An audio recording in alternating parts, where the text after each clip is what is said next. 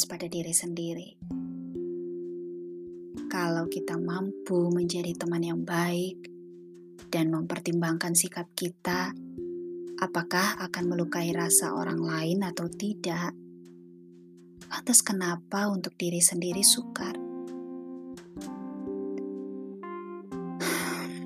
Terkadang kitalah yang memberi standar pencapaian yang terlampau tinggi tanpa mempertimbangkan apa itu mungkin kita lakukan. Pada akhirnya, ketika yang diciptakan itu tidak memenuhi standar, kita terluka, kecewa, susah menerima, lalu berkata, "Aku menyerah. Aku tidak akan melakukannya lagi. Aku tidak mampu." Kita hanya menyiksa rasa. Tapi bila terjadi pada kawan, kita akan memeluk dan mengatakan kata-kata yang menghibur dan memberi semangat.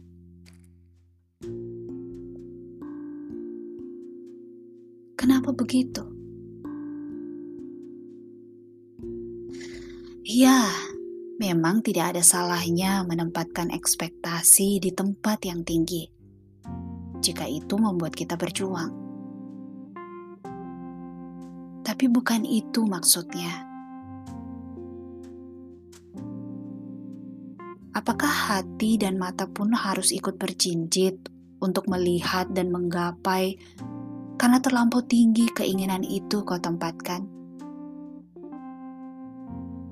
Lalu, saat kita terjatuh, kita akan marah sejadinya dan menangis karena terjatuh.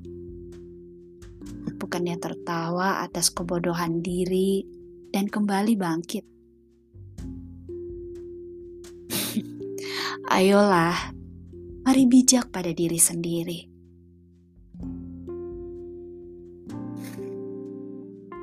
Sebenarnya, apa yang telah kita lakukan untuk memenuhi ekspektasi berlebihan itu.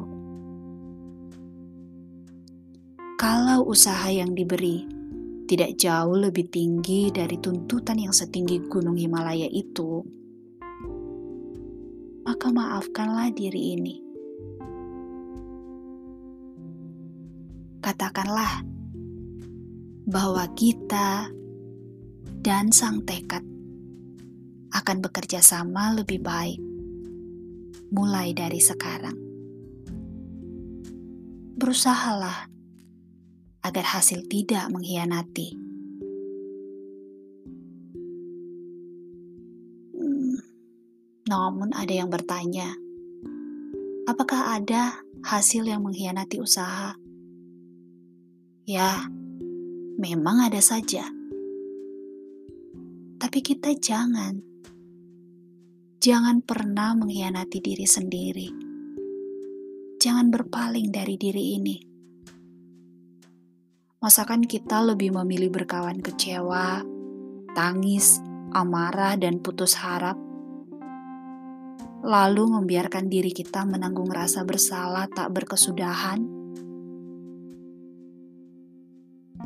Berpikir bahwa kita adalah pribadi yang tak berguna, ceroboh, dan beribu cara menyesal yang hanya menghukum jiwa.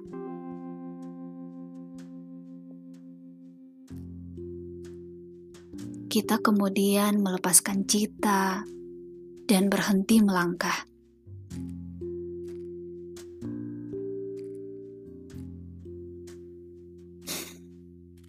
Jika kita berkata bahwa kita lelah mengayuh hidup, sudah tentu kita tak akan beranjak ke tempat yang lebih baik. Jangan biarkan rasa bersalah itu, rasa kecewa itu, rasa marah pada diri sendiri menggerogoti jiwa kita, seolah kesalahan itu tak akan termaafkan, seolah esok tak akan pernah lebih baik lagi karena kebodohan diri Karena jika demikian, lalu siapa pribadi yang akan begitu baik, yang akan mengayuh pedal hidup kita? Siapa yang akan menggantikan kita untuk menyapa esok dan mencerahkan tiap lembaran cita? Ya, tiap lembaran cita yang kita impikan. Yang ada hanya diri sendiri. Benar, aku dan kamu.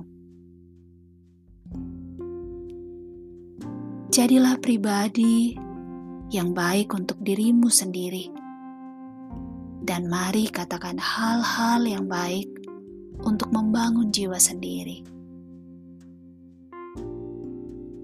Kamu tidak seburuk yang kau pikirkan.